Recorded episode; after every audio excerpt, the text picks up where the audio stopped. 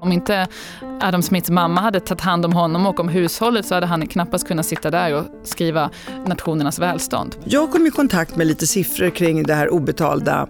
Eh, I första hand var det då kvinnoarbete för det här handlade om jämställdhet och inte att de skulle gå ut och tjäna pengar på den här tiden. Att den tid som kvinnor la, la, la ner i hemmet som då inte partnern gjorde handlade om ungefär två timmar per dag och att det innebar eh, ganska mycket. Plus att man hade räknat ut att det var ungefär fem års pension som man skulle kunna fått på de här timmarna om man då eh, hade jobbat. Eh, och, ehm, eh, det är fortfarande så även om vi har tagit in väldigt mycket nu på det, men det är ju inte, men här hos oss är det ju inte en fråga om Adam Smith och nationalekonomi utan det har varit mer en fråga om jämställdhet. Det här är Fattig eller rik med mig Aram Mustafa och Amelia Adamo. Äntligen Amelia är vi tillbaka. Tack för det. Och idag ska vi snacka om kvinnor och ekonomi, något som är ditt favoritämne. Ja, tack. Men inte bara med dig, utan med oss har vi vår favoritjournalist Katrin Marsall. Välkommen hit. Tack så mycket. Du är en EFN-profil, men jag vet ju att du också skriver i Dagens Nyheter. Absolut. Och dessutom så har du varit Augustprisnominerad för en bok som vi sen kommer komma in på, som jag hade en, ja jag vet inte vad jag ska kalla det för, en aha-upplevelse av att få läsa. Ja, vad underbart. Ja. ja. Det är det man är ute efter som författare. Ja, så jag väntar på nästa. Det är ju lite länge sedan, det var ju 2012. Ja, jag har fått två barn emellan. Kan du inte skriva då? Jo, nu, jag, har, jag har skrivit och det, det kommer en, en ny bok av mig nästa år. Ja, men du, den ska heta någonting annat när nu kommer vi in på boken ändå. I Sverige heter den Det enda könet, heter det inte så? Min förra bok, precis. Ja. Och i England har de kallat den för Who Cooked Adam, Adam Smiths, Smiths dinner. dinner. Den tycker jag förklarade betydligt mer vad det handlar om. Ja, ja det är en bättre, en bättre titel. Ja, och det kanske jag är väl en del förklaring, men den här boken gick ju bättre skulle jag nog säga internationellt än vad den gjorde i Sverige. Den sålde till 20 länder faktiskt. Fantastiskt. Um, så att, och det är väl också en del av förklaringen till att det tagit lång tid för mig att skriva en ny eftersom den har kommit ut. Den kom ut i Frankrike så sent som till exempel det här året och då jobbar man med, med det och åker på en bokturné där och så vidare. Det som hände med mig när jag läste den, det var ju allt det här obetalda hushållsarbetet som kvinnor ägnar sig åt, fick en annan beskrivning i lite nationalekonomiska termer. Mm, precis. Alltså, det, jag går ju tillbaka till Adam Smith som då är nationalekonomins fader. Och eh, han formulerade i sin stora, väldigt tjocka bok Nationernas välstånd från 1776 vad som faktiskt blev nationalekonomins grundläggande fråga som då är en ganska enkel fråga. Hur får du din middag? Uh, och det är en ganska bra ekonomisk fråga eftersom vi tar det för givet att man kan gå till affären och så kan man, finns det bröd och eh, korv och vad man nu vill där i affären och köpa och affären kommer vara öppen och allt kommer fungera. Men egentligen om man tänker på det så för att allt det där ska funka så krävs det ju väldigt många koordinerade ekonomiska processer och det hela är väldigt komplext. Och Adam Smith var intresserad av hur det här fungerar, hur, hur hänger det här samman, vad är det som håller ihop alltihopa? Och var, var det kvinnan det? Nej, men hans väldigt berömda svar på den här frågan var ju att det är att bagaren och slaktaren, de går inte till jobbet och producerar de här varorna av kärlek, utan de gör det här av egenintresse för att helt enkelt få betalt um, och tjäna pengar på det. Och Det är väldigt logiskt och enkelt att följa med resonemanget eh, och man kan väl lätt känna igen sig i det också, att om man har haft något sommarjobb eller något på något café, det är ju inte av kärlek till varenda kund som dyker in där. Man... Men hustrun eller som tidigare lagade då all mat, de kanske inte gör det i samma utsträckning. Hon ska uppenbarligen göra det av kärlek för hon är oavlönad. Ja precis, och det är det som är poängen. Så det, det här är ju liksom nationalekonomins svar på frågan att det är egenintresset som är den grundläggande kraften i ekonomin. Men är det så enkelt? Och då tittar jag ju på Adam Smiths eget liv. Och han, nationalekonomins fader, han gifte sig aldrig utan han levde hela sitt liv, eller stora delar av sitt liv, med sin mor som är en okänd person, men hon hette i alla fall Margaret Douglas och hon tog hand om hushållet åt honom. Och hon är ju också en stor del av förklaringen till hur just han fick sin middag. Och gjorde hon det här, tog hand om sin son, av egenintresse, kanske delvis. Det fanns ju inte enorma ekonomiska möjligheter för änkor i Skottland på 1700-talet att liksom, jag vet inte, starta ett företag eh, eller något annat. Men man kan nog också anta att hon gjorde det här delvis av kärlek, för att komma in på Amelias mm. ämnen, eller massa andra saker. Hon oroade sig för sin son, hon tyckte det var hennes plikt. Alla de här andra skälen till varför vi gör de saker vi gör på marknaden eller i ekonomin. Och det här är, ett, är liksom drivkrafter som nationalekonomin inte har varit särskilt duktig på att titta på och fundera kring och försöka förklara. Och det, detta har gjort att eftersom Adam Smith glömde bort sin mamma så glömde ekonomin också bort det obetalda arbete som i hög grad kvinnor gör i hemmet, men som är helt fundamentala. Om inte Adam Smiths mamma hade tagit hand om honom och om hushållet så hade han knappast kunnat sitta där och skriva nationernas välstånd. Men vänd på det. Eh, han tjänade antagligen in pengar, Adam Smith, eh, på något sätt utan att ha koll på vad hans eh, arbetsgärning var. Eh, så, förutom de grejerna han har skrivit. Eh, så eh, han drog in pengar som också var till gagn för sin mamma. Självklart. Kan man inte säga att han gjorde ett arbete som blev belönat av pengar, men eh, han var inte bara självisk och behöll det själv utan delade med sig till sin mamma. Absolut. Så då kan man väl säga att det är väl inte helt obetalt? Nej, men poängen är att det är osynligt, att han inte definierade eller han förstod inte att hans arbete var beroende av kvinnors obetalda arbete. Han hade inte kunnat göra vad han gjorde utan det arbete som mamman gjorde och därmed förstod han inte att den omsorg som utförs i en ekonomi är fullständigt grundläggande. Jag menar, den mest grundläggande förutsättningen för tillväxt är ju ändå att till exempel att det föds barn som kan växa upp och bli ekonomiskt aktiva och sen så komma på med nya, nya företag och ut och arbeta i ekonomin och betala skatt och så vidare. De här, vi, växer inte, vi kommer inte, växer inte upp som svampar utan liksom helt fullfjädrade entreprenörer som kan gå ut och tjäna pengar utan det är en process där, där en liten bebis växer upp och blir till någonting och det är den mest grundläggande förutsättningen för, för alla ekonomier. Och det här har inte nationalekonomin varit varit bra att titta på. Till exempel så räknas ju fortfarande inte hushållsarbete in i BNP-måttet. Och det gör att man ofta får en väldigt, väldigt felaktig bild av ekonomin. Framförallt i utvecklingsländer där det obetalda arbetet i och runt hemmet kan stå för liksom 10-15% av, av, hela, av hela ekonomin. Och det försvinner helt och hållet i, i BNP-måttet. Jag kom i kontakt med lite siffror kring det här obetalda. Eh, I första hand var det då kvinnoarbete, för det här handlade om jämställdhet och inte att de skulle gå ut och tjäna pengar på den här tiden. Att den tid som kvinnor la, la, la ner i hemmet som då inte partnern gjorde handlade om ungefär två timmar per dag och att det innebar eh, ganska mycket. Plus att man hade räknat ut att det var ungefär fem års pension som man skulle kunna fått på de här timmarna om man då eh, hade jobbat. Eh, och, eh, det är fortfarande så även om vi har tagit in väldigt mycket nu på det, men det är ju inte, men här hos oss är det ju inte en fråga om Adam Smith och nationalekonomi utan det har varit mer en fråga om jämställdhet. Mm. Men det är klart att man måste räkna in det i BNP. Det verkar ju väldigt märkligt att man inte gör det. Ja, du får en väldigt konstig bild av ekonomin annars, skulle jag säga. Men får man verkligen så konstig bild av ekonomin? Eh, BNP-måttet är ju en, ett mått på förädling, hur mycket man eh, förädlar och eh, vi vet ju att om man allt jobb i hemmet är ju eh, inte inräknat ofta eftersom du har ingen handel. Å andra sidan så är väl det också ett bra mått för att veta du kommer ju om du har en hög, ökar din BNP så innebär det ofta att eh, du har ökat din handel, det innebär att du hittar effektiva metoder.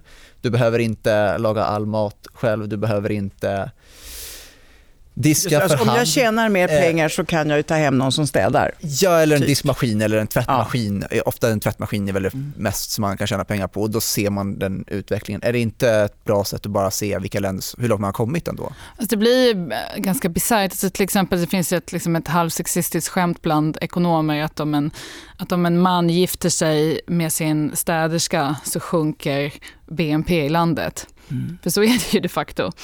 Um, för då kommer hon göra exakt samma arbete men utan... Men obetalt. Obetalt, precis. Mm. Um, Och det är ju inte heller riktigt sant att vi bara, alltså BNP var ju från början ett, ett alldeles utmärkt sätt att mäta krigsproduktion och det är väldigt bra för det. Men problemet är väl också vad vi har fått, BNP har ju fått en betydelse som att liksom vara samma sak som tillväxt och tillväxt definierad på det sättet har kommit att betyda välstånd och liksom god ekonomisk utveckling. Så vi drar ju de slutsatserna och det är en massa saker som vi räknar in i BNP-måttet som just inte är det här klassiska, jag säljer en produkt till dig och får betalt för pengar, utan det finns ju saker och ting som liknar det obetalda arbetet, exempelvis, om jag inte minns det fel, liksom inom jordbruket som faktiskt räknas in i BNP-måttet. Och det finns massa tekniska sätt som man skulle kunna räkna in det obetalda arbetet på. Yeah. Men kan du ge ett exempel på ett land som inte har haft en BNP-tillväxt men som har haft en real tillväxt egentligen på grund av att de har eh, för att man inte har räknat in det arbetet hemma eller arbetet som inte syns i BNP. Ja, men det vet vi inte. Alltså, det, får ju massa, det får ju massa konsekvenser av det här som gör att du liksom inte...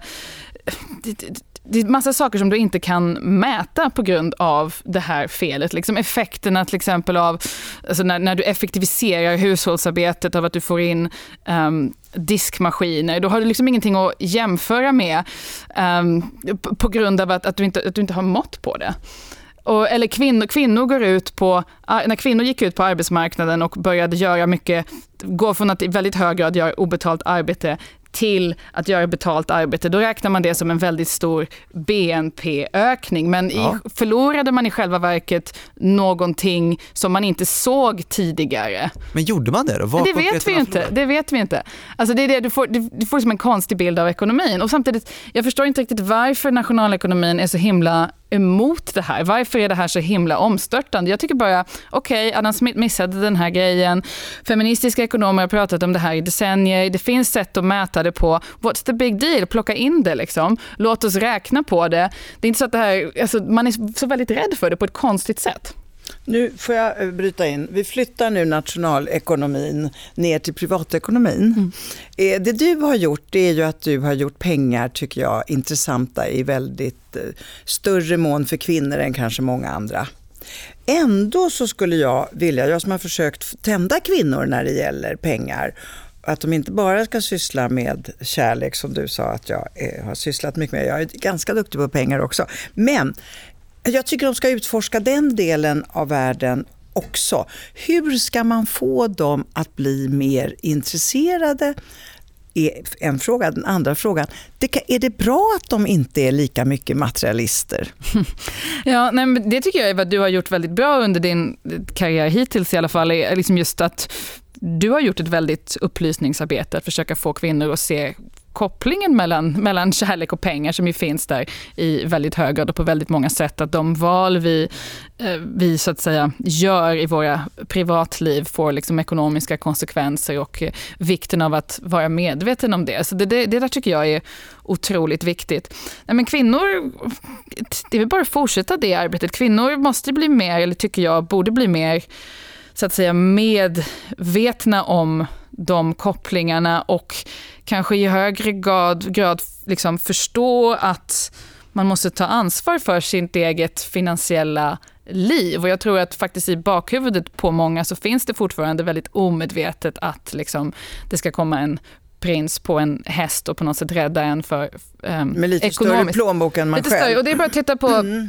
jag tycker att det är så konstigt att just pengar är sånt tabu. Om man Titta på romantiska komedier till exempel, som ju har brutit de senaste decennierna, brutit många tabun. Man har liksom kvinnor som har sex på ett helt nytt och friare sätt i populärkulturen, Sex and the City, Bridget Jones. Kvinnor som svär i tv, i Storbritannien är det en succéserie som heter Fleabag, som jag inte vet har kommit till, till Sverige än. Liksom. Det är helt okej, okay, men däremot det som nästan hela tiden består i populärkulturen, att i slutet när den här vilt svärande och liksom vilt sexande, håller jag på att säga, det inget ord, eh, hjältinnan ska träffa en man så är han i princip alltid rikare än henne. Liksom. Mr Darcy. Och längre. Som, längre och rikare. Det är de två tabun mm. som inte går att bryta, trots att man bryter på, på alla sex och svordomstabun. Varför, varför är det så? Varför måste Bridget Jones liksom bli ihop med någon som är superrik i slutet? Kan det vara en man som har regisserat? det vet jag faktiskt inte. kan det vara, uh, men visst, tycker, visst. Inte, tycker inte ni att det är intressant? Jo, jag, tycker att, jag tror att det eh, håller på förstås att ändras. Ju fler kvinnor som kommer in i eh, producentleden också när det gäller tv-serier så tror jag att man kommer att få de här förändringarna. Men vi talar ju till exempel om trophy wife, man mm. talar ju inte om trophy men. Mm. Mm. Eh, så att, inte, gäller det verkligen? Eller, eller ja. Kan man inte ha en eh, man som man liksom skryter med att det är en profilgrej? Det kan man säkert kan göra, man men göra. det finns inget riktigt epitet för det. Men eh, det kan man säkert göra. Men vi har ju fortfarande så det som vi, vi nämnde här att eh, Eh, många män anser att det är kastrerande att ha en kvinna som har mer makt eller mera pengar. Så jag håller inte med om det. Ja. Nej, nej det, det, gör jag verkligen inte heller. Du håller nej, inte ens med om att det är så? Nej, jag, ty alltså, jag tycker att det där är lite, alltså, jag har ju hört det en miljon gånger, för ja. det, det, är något som man som kvinna får höra ja. en miljon gånger. Och jag börjar tro att det är en konspiration alltihopa, att det är någonting man talar om för kvinnor. Att, så här, ja, är jätt... Vi gräver vår egen grav? Ja, precis. Så här, ja, nej, men det, är, det är väl bra att du har mycket pengar, Amelia, men tänk på att då är det ingen man som kommer vilja ha dig. Och det här blir någonting som då gör att kvinnor tänker att okej, okay, men om jag tjänar de här pengarna då kommer jag inte bli älskad, så då taggar jag ner lite när det gäller det ekonomiska. Fast men, men i själva verket, om man frågar män, skulle du, Ara, skulle du vilja vara tillsammans med en kvinna som tjänade mer än dig? Det skulle inte påverka mig så jättemycket. Nej, men precis. Jag tycker när man frågar män men så är det det de tror säger. inte det att han är yngre och säger så? Nej, jag tror, att, jag tror nog att det har varit så. Jag menar, har man talat med eh, kvinnor, så i alla fall ett antal kvinnor som har eh, höga inkomster, oftast kombinerat med maktposition. Alltså, det är inte lättraggat för dem. Men jag kan också tänka mig att om jag fantiserar hur min familj ser ut, då tänker jag ofta att om jag tänker att någon kör bil, då är det jag som kör bilen. Mm. Om jag tänker på att det är liksom krisar liksom ekonomiskt, det är, det är en lågkonjunktur, då löser jag där. Jag, mm. jag, har, jag har koll. Jag det är har, din föreställning ja, om vad en man gör. Ja, men mm. det, det, är inte, inte så att jag har filosoferat om det här länge, men när jag tänker efter nu, mm. här och nu, om jag tänker mm. på det, det är jag som skjutsar, det är jag som eh, har liksom löst krisen, det är lugnt. Jag har investerat i guld och silver, det är kontra, mm. eh, kontra dåliga recessioner. Eh, och ja, det, det, är liksom, jag ordnar det. Mm. Och det är väl jättebra, men om du skulle träffa en kvinna som hade mycket mer pengar än dig, då skulle inte du tycka att hon var oattraktiv på grund av det? Jag hoppas inte det. Jag, jag, har inte, men jag, jag, ska vara helt ärlig, det, det kanske, jag kanske tyck, skulle tycka att det var ja, så tror det. att det skulle förstöra den här självbilden. Att, ja, vad, vad jag, ja. jag vet inte, jag har inte tänkt så mycket, men ja, ja faktiskt kanske hade det ja. stört det. Nej, för jag, menar, jag, menar, jag känner mer än min man, du tjänar mer än din partner Amelia. Mm. Men det har ju varit så att pengar har på något sätt ändå varit mäns domän. Mm, absolut. Det måste man säga. Absolut. Sen har vi har hållit på och jobbat på att det kanske ska bli, att man ska se lite annorlunda, men fortfarande, jag menar jag tänker på hela den här Wall Street eh, eh, vad heter det, symbolerna som kom med de här killarna som såg ut som med röda hängslen och det var ju inte någon kvinna man såg på Wall Street. Nej. Det var ju män. Så hela tiden så kommer det ju nya bilder som på något sätt ändå cementerar det här med att pengar är mäns domäner. Mm. Och hur ska man bryta det då, Katrin? För att kunna bryta in sig i Aras skalle, han ser sig själv här då, han är 24 år. -huh. eh, och, eh, och, och jag tycker att de här väldigt tydliga eh, männen med sina pengar. Förut var det direktörer, mm. nu är det finanshajar med jättedyra mm. klockor. Eller hajar eller finansmän med, med ja. Och hur, var, när ska jag se en kvinna, när ska jag se hundra Annika Falkengren för mitt inre när jag tänker på bank? Jo, men de, det, det kommer ju bli annorlunda. Jag tror att det är väl någon slags eh, feminismens grundläggande utmaning att det handlar ju inte om att roffa åt sig, eller tycker jag i alla fall, det handlar inte om att roffa åt sig för kvinnor liksom hälften av en redan existerande kaka. Alltså feminismen handlar om att baka en helt ny kaka och jag tror att liksom, när kvinnor med väldigt mycket pengar kommer liksom förändra vad det innebär att ha väldigt mycket pengar. Uh, schablonerna kommer, kommer förändras uh, och allting kommer att bli annorlunda. Det är där som liksom Christine Lagarde sa ju att liksom om Lehman Brothers hade varit Lehman Sisters så hade vi inte haft den finanskris som vi hade för tio år sedan. Det vet inte jag om jag håller med om. Nej. Men jag tror att liksom kvinnor ska inte in och liksom försöka efterapa någon slags liksom röda, häng, röda hängslen kan man ha, det kanske är snyggt, men liksom det sättet att, att vara. För att det finns ju massa problem det det med det sättet. Det har varit så pengar. svårt därför att det kan man ju bara se hur de ser ut. Mm. Eh, kvinnor som jobbar på bank, de ser ut som män fast med kjol. Ja. ja, jag menar det är samma uniform. Att vi efterliknar männen för att komma i närheten av både mm. männens makt och därför de dominerar så att säga arbetsvillkoren. Mm. Och det som har varit framgångsrikt har ju varit förknippat med hur, mm. hur hierarkierna har varit. Och om vi ska baka den där nya kvinnotårtan, mm. det vill ju vansinnigt mycket till. Men det jag tänkte fråga dig om det är, du skrev den här boken, den kom ut 2012. Mm. Vad tycker du nu?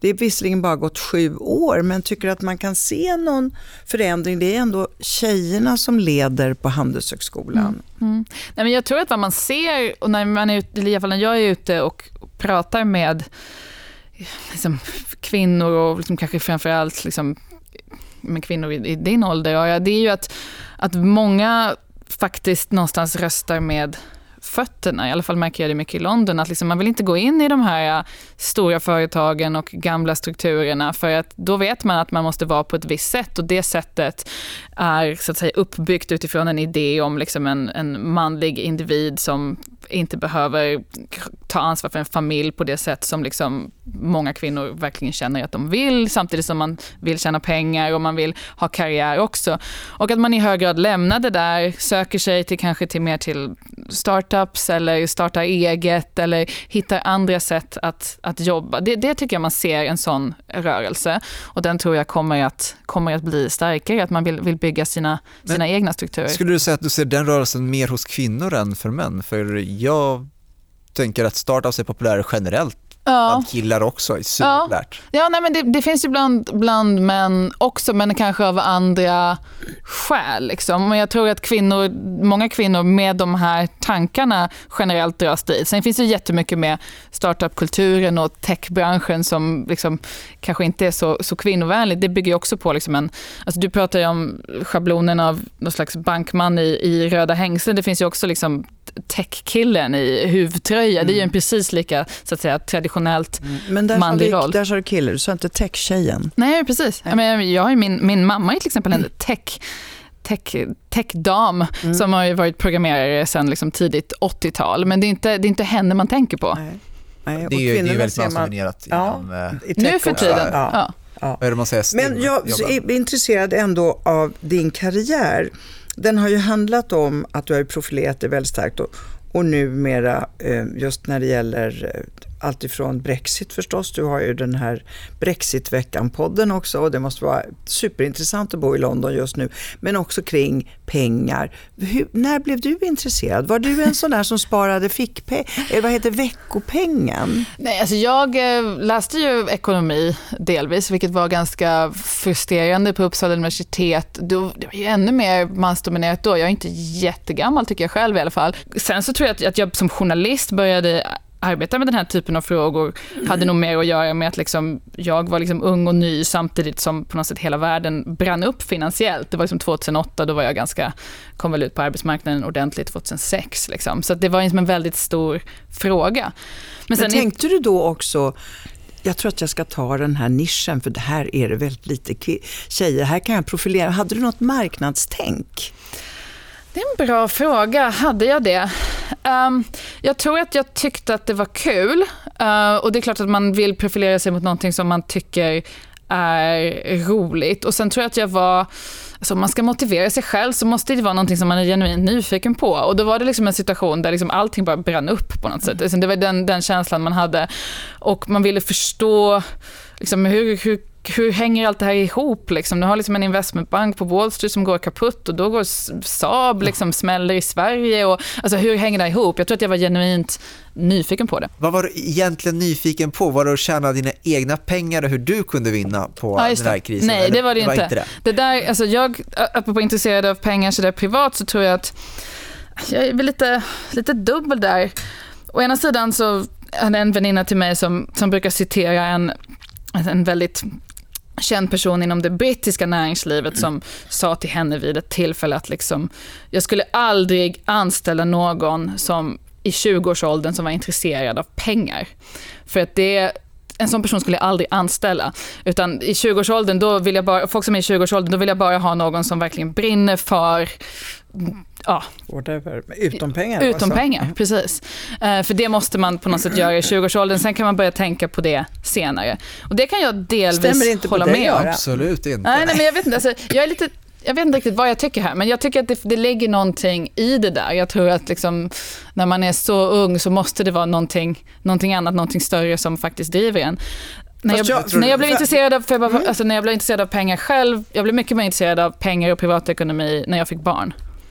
Jaha, för att jag skulle ju vilja slå ett slag för in med lite mer finansiell eh, tänk redan i skolan. Alltså på hemkunskapen så tycker jag man kan ta bort pannkakorna. Nu kanske jag är väldigt fördomsfull, de kanske inte alls har pannkakor där. Men jag vet att de har väldigt lite ekonomi. Mm. På tok för lite och framförallt inte eh, i, i makro, alltså hur ekonomin, det här du säger, hur kan den här Lehman-kraschen innebära så mycket? Hur det hänger ihop och så. Därför att jag tror ju att man måste bli mycket, mycket mer eh, medveten tidigare. Mm. Och eh, om kvinnorna tycker jag ska ha en chans så tycker jag att måste börja, mm. allting måste börja i skolan.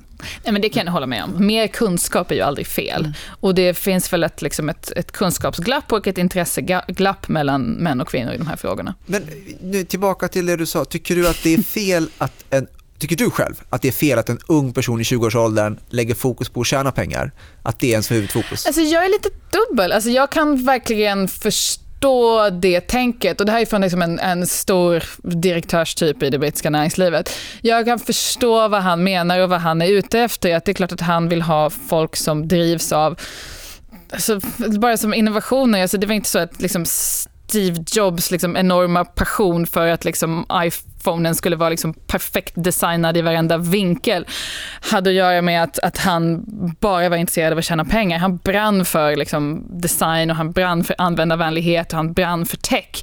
Det är klart att man vill ha såna människor i sitt företag gissar jag. Uh, så, jag så jag kan förstå vad den här eh, personen menar när han säger så. Sen tycker jag å andra sidan, det är väl det jag menar att jag är lite dubbel, att liksom, jag tror att kvinnor behöver i mycket högre grad fundera kring liksom sitt liksom finansiella liv tidigare. Jag tycker att man ska liksom Kvinnor får ju mycket eh, lägre grad frågan när man är ung och ska välja karriär. Liksom, ja, det är det här du vill göra, men också hur mycket pengar vill du tjäna?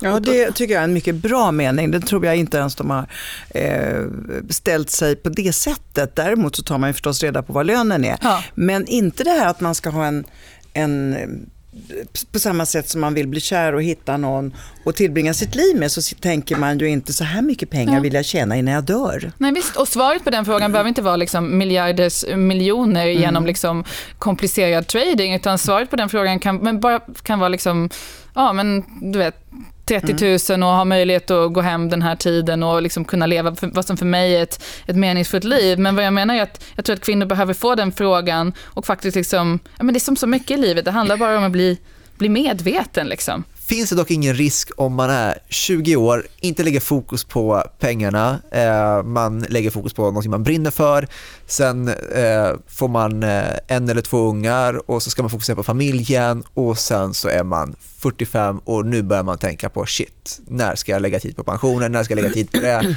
Ara, du har missat något vansinnigt väsentligt. När du är 20 år så ska du lägga tyngdpunkten på att ha skojigt. det kan man ha menar, också. Sen kommer alla ungar och allt du måste betala hyra. Och så. När ska du ha skoj då? Men när ska du tjäna pengar?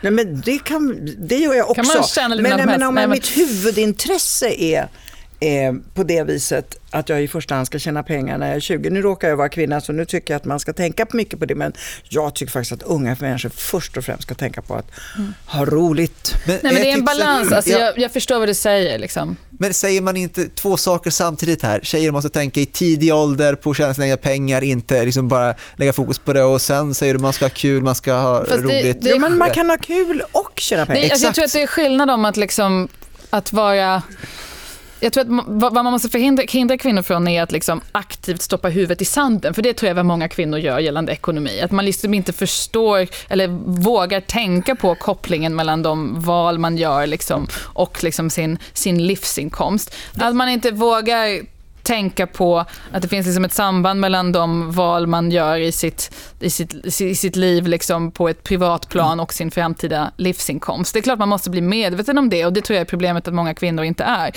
Men vad jag kan förstå i den här äh, brittiske direktörens resonemang är att, liksom, att först och främst vara driven av att liksom tjäna pengar i 20-årsåldern kanske är, sådana personer kan jag förstå att den här brittiska direktören inte vill ha i sitt företag för att de är kanske de som på, på lång sikt inte kommer vara mest värdefulla för det företaget. Det kan jag förstå. Ja. Och sen kan det ju också vara något eh, väldigt, eh, vad ska jag säga, rått, eh, materialistiskt kring det här penningsysslandet. Du, du säger Joakim von Anka, vem vill, ha, vem vill gifta sig med honom? Jag vet inte tusan, men eh, jag tror att... men, så här, men säg att man är 24 och inte har tjänat ihop sina pengar, man är en skön person och har roligt. Det är mm. helt okej. Okay. Säg att man växer upp 10 år till, man är 34 och inte har tjänat ihop sina pengar och inte har gjort något speciellt. Det är inte lika sexigt längre. Det är inte lika häftigt. Uh, så jag tror absolut det finns en risk där. Och Sen tror jag också att uh, tjäna pengar är svårt. Att det är mycket lättare att göra något kul och roligt och sen säga att nej men jag försökte inte ens. Mm. Eh, så jag du... behövde inte bli besviken. Men jag tror, att, jag tror att det handlar om liksom det långsiktiga perspektivet mm. också. Liksom. Alltså du, har, du, har ett, du har ett helt liv på dig och det, liksom, det handlar om någonstans, nu är det ju ingen tävling, men liksom, mm. det är liksom en, en karriär som ska sträcka sig över förhoppningsvis många decennier. Du måste hålla för hela det där maratonloppet. Och det, det, det är något som du förstår. Det kan ju finnas ett värde av att liksom investera i, i sig själv och i liksom ha en period där man kanske inte fokuserar på pengar, tjäna pengar här och nu, men, men som liksom Steve Jobs läser kalligrafi. Han fick ju en enorm utväxling på den investeringen så småningom. Mm. Men där, där om vi är tillbaka till det här med kvinnor och män. Men vänta en sekund. Om man är tillbaka till det här med kvinnor och män så gör de det, jag kan inte säga att det är ett felaktigt val, men det är ett val som innebär att de inte kommer att tjäna så mycket pengar i och med att de oftast väljer vårdyrken som har eh, samhället bestämt sig för att det ska man ha väldigt lite betalt för. Jag menar om en man eh, sköter om en bil så har han ju mer betalt än om man sköter om en människa. Mm. Eh, och så, det är ju, så är det ju och de väljer de här yrkena Eh, med, därför de vill säga att jag vill jobba med människor. Och då tror jag att i deras skallar så väntar de ändå på han med lite större plånbok än de själva. Mm. För annars så skulle man ju välja bort sig från de här, för de vet ju att möjligheterna om man börjar på 19 000 är att du hamnar på 25 000 i månaden. Sen är det nästan slut, om du kanske så småningom blir en enhetschef. Du börjar ju på ett sätt som gör att du aldrig kommer att, att äh, åka till Bali två gånger om året, om man nu tycker det är roligt. Men det skulle jag uh, vilja fråga Katrin om. Hur ändrar man sånt? Ja, alltså där skulle ju jag säga att liksom, jag har en dröm och någon slags liksom, politisk vision att vi ändrar det på liksom, samhälleligt plan. Att vi kommer att förstå att det någonstans liksom, värderingsmässigt är idiotiskt att vi liksom, eh, värderar att ta hand om saker högre än vi värderar att ta hand om människor. Och jag hoppas att liksom det skiftet kommer att ske inom min livstid, för jag tror att det skulle kunna bota väldigt många saker som är fel i det här samhället. Men det är en politisk vision. Sen finns det här och nu liksom en, kvinna, en ung kvinna som står i det där valet. Och det, jag tror inte man kan tala om för liksom någon, du bör, du, bör, du bör inte göra det här, du bör satsa på något annat om det här är verkligen vad man vill och tycker är meningsfullt och vill ägna sitt sitt liv åt. Liksom. Men jag, återigen, man måste bara vara medveten i så fall. Men om att... det händer, då säger vi så här att okej, okay, då blir jag någonting, jag blir läkare. Mm. Vad händer då? då åker lönerna ner för det är för mycket kvinnor. Eller jag blir präst, där det är över 60% kvinnor nu idag då åker lönerna ner. Mm. Vad är det som gör? Är det något fel på oss? Kan vi inte, kan vi inte gå in och säga... När jag började hålla föredrag så visste jag inte vad jag skulle ta. Och då så kunde jag se att på samma ställe som jag var så var, fanns det den här mannen med. Och då sa jag, jag vill ha lika mycket som han, mm. vem det nu var. Mm. Och då kunde de säga till mig, men han är mycket mer känd än du. Ja, ja, men bruta lite då. Men då kom jag i alla fall upp i någon slags eh, mm. nivå eh, där, som var jämförbar. För annars hade jag halkat långt mycket under, som jag tror bara hade att göra med att jag inte kunde kräva. Att det finns någonting i, i, i vårt eh, DNA som gör att vi inte är lika krävande som män. Men kan man säga att det är mer att ni är mer kompromissvilliga? och därför så finns det en risk att... Alltså jag tror tyvärr att det är bara till laxgenen som kommer fram där. Alltså kvinnor vill, vill, vill vara, bli omtyckta mer omtyckta. än vad ni vill. Det finns ju forskning på, för länge sa man ju det här Länge sa man ju att, att liksom kvinnor, ni måste bli bättre på att förhandla, ni måste ja. förhandla mer, ni måste våga fråga. Men sen har man gjort forskning på det här och visar att liksom kvinnor visst frågar. Mm. Problemet är att vi inte får. Nej, men vi kan inte förhandla lika bra. Det Nej. måste det ju ändå vara. Och varför, varför är det så som i prästyrket att plötsligt när det blir kvinnodominans så varför åker lönen statusen ner? ner? Och det är det som är det här, det, är det här sambandet. Liksom. Det är också i stort på arbetsmarknaden om man tittar på vilka branscher som man liksom jämför med, med vilka. Alltså, mm. som kan, man, kan man jämföra en sjuksköterska med en liksom, metallarbetare? Alltså, vad, vad är det man ska titta på? Liksom, ska man titta på längden av utbildningen? Ska man titta på ansvar? Mm. Alltså, allt det där sitter i vårt huvud, liksom, hur vi värderar olika saker, vilka branscher som, kan, som anses vara jämförbara, vilka kriterier om att någon kommer och säger ja men den här mannen är mer känd än du. Liksom. Varför ska det vara kriteriet? Alltså, det där är ju, allt sitter i vårt huvud. Men jag tycker det känns jättekonstigt att vi säger att varför ska vi betala mer för saker och inte för folk som tar hand om andra människor och så mm. vidare. Men Alltså som det, att man tjänar väldigt mycket inom techbranschen beror ju på att skalbarheten, det är väldigt få personer som man behöver. Google har ju betydligt färre anställda trots sin storlek jämfört med vad General Motors hade när de var som eh, störst. Då, hade de, då var de jättemånga anställda. Här kan ju bara några få tjäna otroligt mycket pengar. Och inom tech, eh, science, eh, engineering, alltså ingenjörsvetenskap, där är ju det mansdominerat. Eh, och det blir ju liksom, jag tror inte att kvinnor som hamnar i de yrkena eh, kommer dra ner lönerna för dem. Alltså, du tog upp eh, prästgrejen. Ja, absolut. Alltså, jag är helt för att kvinnor ska in i de branscherna. Men liksom, det är liksom en, lite bara en myt att techbranschen alltid har varit mansdominerat. Alltså det, programmerare var ju kvinnoyrke fram tills, jag tror det svängde någon gång i början av 80-talet, om man tittar på, på utbildningarna i alla fall. Och sen blev det mansdominerat och, och sen blev det väldigt välbetalt. Mm. Um, så det, det finns ju någonting där. Men, va, men är det... Jag kan inte förklara sambandet, men det, men det är ju där. Eller hur? Men varför är det så att det i sånt fall borde varför är inte tjejer intresserade av de yrkena då? Men de var ju det fram till början av 80-talet. Varför slutade de vara det helt plötsligt när det blev välbetalt? Ja, alltså, jag vet inte. Det, det där är forskningen liksom diskuterade det, vad det var som hände och vad det beror på. Liksom. Och, men det finns ju i alla fall, det är någonting som händer när en bransch blir mansdominerad så brukar, brukar lönerna gå upp och när en bransch blir mer kvinnodominerad så brukar statusen och lönerna gå ner.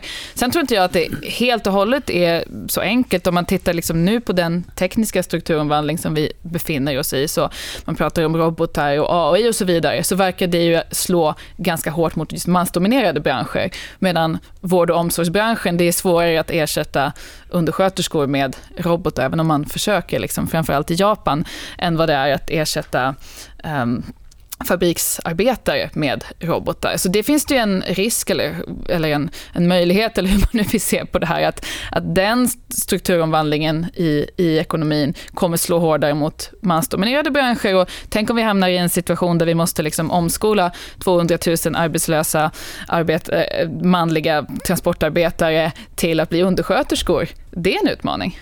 Ja, det hade varit en utmaning och det skulle man kunna säga om alla jobb som riskerar att slås ut av mm. robotiseringen. Men jag förstår fortfarande inte vad som kommer först. Det, det låter nästan som att du säger att först var det kvinnodominerat inom tech, sen blev det mansdominerat och sen sköt lönerna upp i höjden. Nej, alltså jag vet inte. Jag vet inte. Men har det inte att göra med att tech blev mer skalbart just fler användare det blev runt 90-talet, 00-talet? Det är då man fick störst utveckling av ett Google eller ett Amazon? Men eller? om, om man, jag har ju varit arbetsgivare, då kan jag säga då att eh, lönen, vilken lön jag får kommer inte på första plats när det är en kvinna.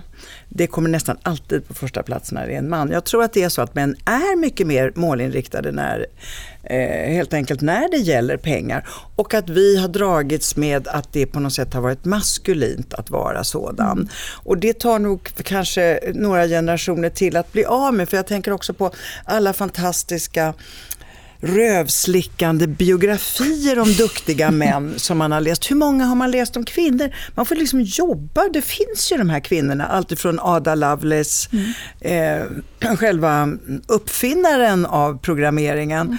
till andra. Men de liksom sjunker ner, sjunker in i, i, i någon slags glömska. Men nu rotas de ju fram, olika de här hjältinnorna. Och jag tror att en del för oss är på något sätt att Eh, ändra vårt mindset. Och det gäller lika mycket killar förstås, men det är inte en process som går på en generation. Det tar mycket längre tid, även om vi har kommit jättelångt nu tack vare att vi har till exempel i Sverige då förskola, vi har en massa saker som gör, om man jämför med till exempel Italien som inte har någon förskola där man har 1,3 barn. Eh, där har det liksom avstannat att överhuvudtaget skaffa sig barnprogram. Vi har ju sett till att kvinnor kan jobba i Sverige och en väldig massa bra saker. Och vi har en bit kvar, men vi har ju kommit, vi är ju liksom på en annan nivå. Men jag tror att det sitter här mm. i skallen. Och det gäller allt ifrån det du började med när du sa varför, kan inte, eh, varför ska hjältinnan bara bli lycklig över att hon får en man med en tjock plånbok? Kan hon inte själv se till att skaffa sig den här plånboken? Och varför läser inte jag biografier om fler än Oprah Winfrey? Mm. Det måste ju finnas. Mm. Mm. Och, och det tror jag ligger hos oss också. Vi måste sluta beundra de här männen som tjänar pengar. Beundra mig och Katrin istället. det låter som ett väldigt bra tips. Kan du inte göra det lite Öra? ska jag väl göra, absolut. Jag började ju med att säga att du var min favoritjournalist. Så ja, att, eh, tack så mycket. Ja, det är redan där. Mm. Jag kan ju inte låta bli när jag har dig Katrin framför mig och som dessutom gör Brexitveckan här på EFN att, och du bor i London. Det måste vara helt fantastiskt att vara journalist. Och i denna, vi ser ju bara den här dåren som viftar med håret och alla som skriker i parlamentet och eh, vet allting om hård Brexit eller inte. Men du lever i det. Ja. ja, eh, nej, alltså jag vet inte om folk tycker det är så fantastiskt. Alltså det är klart att det är, en, det är ett väldigt fascinerande historiskt skede, men, men journalisterna börjar bli trötta, väldigt ja. trötta. Jag som gör makromorgon en gång i veckan är så sjukt trött på Brexit. Mm. Eh, ja, men jag förstår att man jag, är trött, men jag säger att hon lever i du lever just nu i någonting som kommer att hamna i historieböckerna. Ja, ja absolut. absolut. Och det tycker jag skulle vara spännande. Jag, jag, tror inte att Katrin går ut varje morgon och tänker när, på att jag lever mitt i brexitveckorna här och ja. eh, hur ska det gå. Men en fråga eh, infinner sig ändå när vi talar om kvinnor och män. Mm.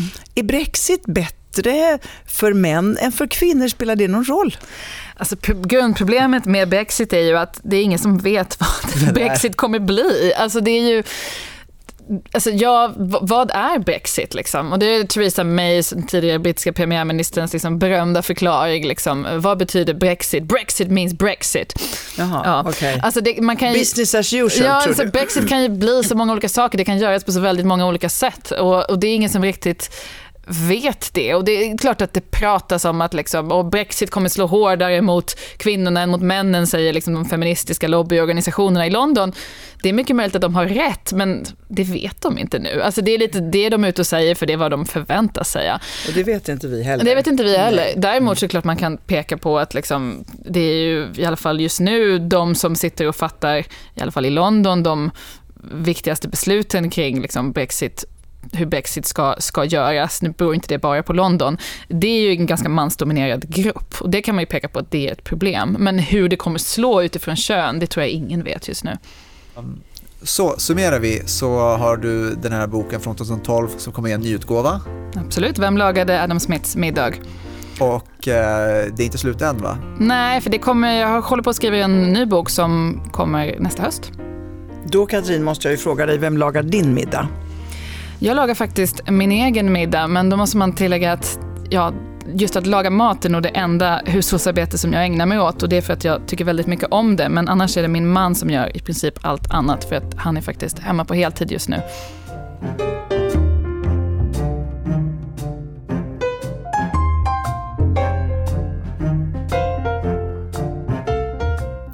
Den här podden görs av EFN Ekonomikanalen.